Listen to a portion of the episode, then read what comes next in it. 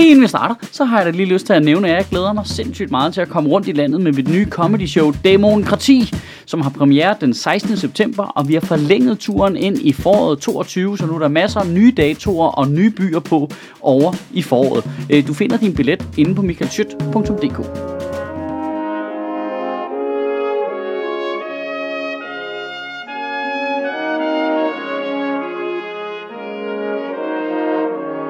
Goddag. Vi danskere er nogle små fucking piksvin, der simpelthen taler så grimt til hinandens små debile hjerner ude på det klamme, klamme internet. Og hvis ikke I holder op med det snart, så kommer jeg fucking og saver armene af jer, smør med med fuld lort og giver jer med i madpakken. Kan I fatte det?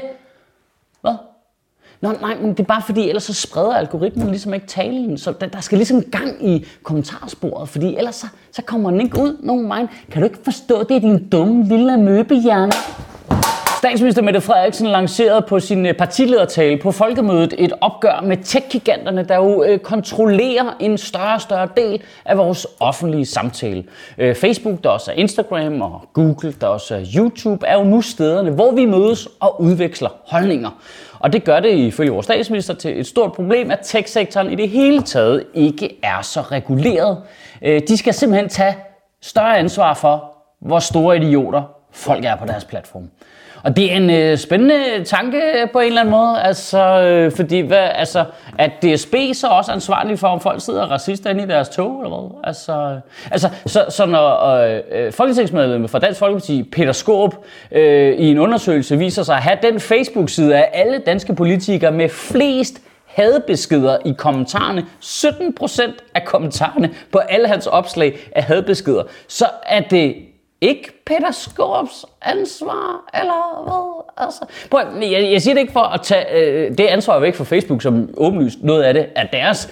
Øh, jeg siger det bare for at påpege, at altså, mængden af hadbeskeder over på Facebook-siden for Ramazan er øh, begrænset, fordi de måske selv er mindre idioter. Altså, jeg mener bare, statsministeren står og siger, at tech skal tage større ansvar for, hvor vanvittige ting folk siger på deres platform i samme uge, som statsministerens egen øh, udlændingeordfører, øh, Rasmus Stoklund, reagerer på nye positive tal for indvandrers beskæftigelse ved at sige, at bare fordi man er beskæftiget som indvandrer, så kan man jo godt være en terrorist jo. Øh, Mette, hvad med det, der foregår på din platform, udebart? Øh, jeg skal, bare være, jeg skal lige være helt med. Jeg skal lige være helt med. Så når øh, skuespilleren Pelle U. Asbæk øh, offentligt siger sin holdning til noget dansk lovgivning, og Socialdemokratiet så sender hele troldeherren efter ham, og så bare smeder ham og alle kunstnere til, der siger noget i det offentlige rum, fordi Gud forbyder, at de havde en holdning, så er det Facebooks ansvar, at de opfører sig ordentligt. Okay, okay, det er okay. okay. Altså, jeg skal bare lige forstå det helt korrekt. Så, så det er simpelthen den samme statsminister, der er villig til at efterlade børn med dansk pas i en syrisk fangelejr for at straffe dem for deres forældres forbrydelser, der synes, at tonen på nettet er blevet lidt hård. Øh, øh, øh, hvad med tonen i politikken? Kunne det eventuelt hænge sammen, eller hvad? Altså, det er jo ligesom at stå og kvæle en kattekilling, mens du siger til dine børn, I må ikke bande, I må ikke bande, lige et øjeblik. Den, altså, hey, husk, man må ikke bande, vel? Ifølge statsministeren så forsvinder nuancerne, når man diskuterer øh, online. Alting bliver sort-hvidt. Vi har brug for at mødes ansigt til ansigt og tage debatten.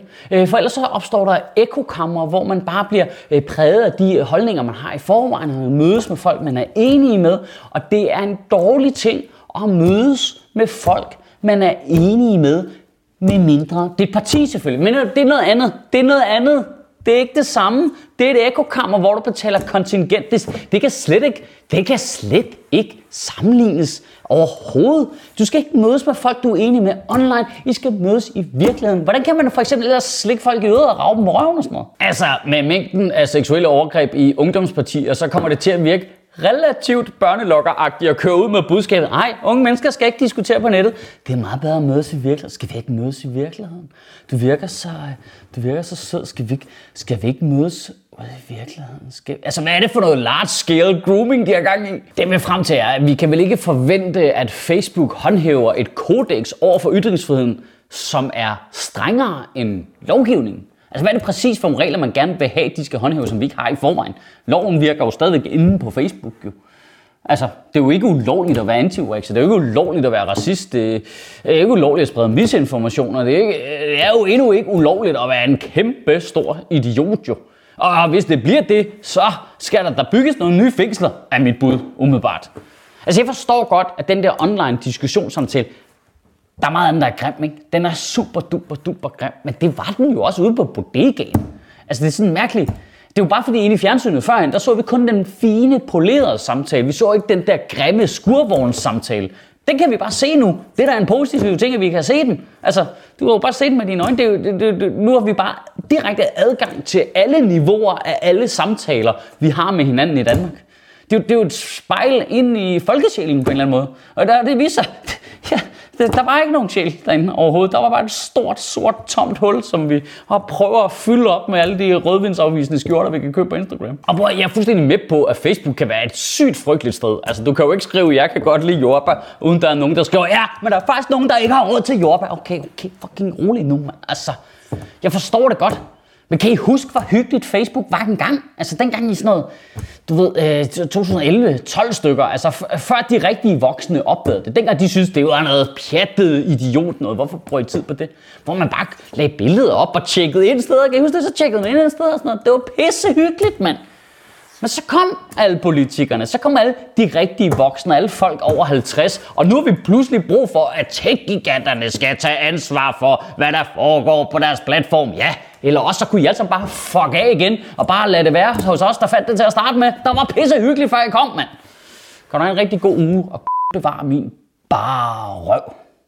Altså jeg vil sige sådan, jeg er da mindst lige så ubehagelig i virkeligheden. Altså, og hvis du har lyst til at opleve det, så kan du købe en øh, billet til mit nye show Demokrati, der har premiere den 16. september i Odense.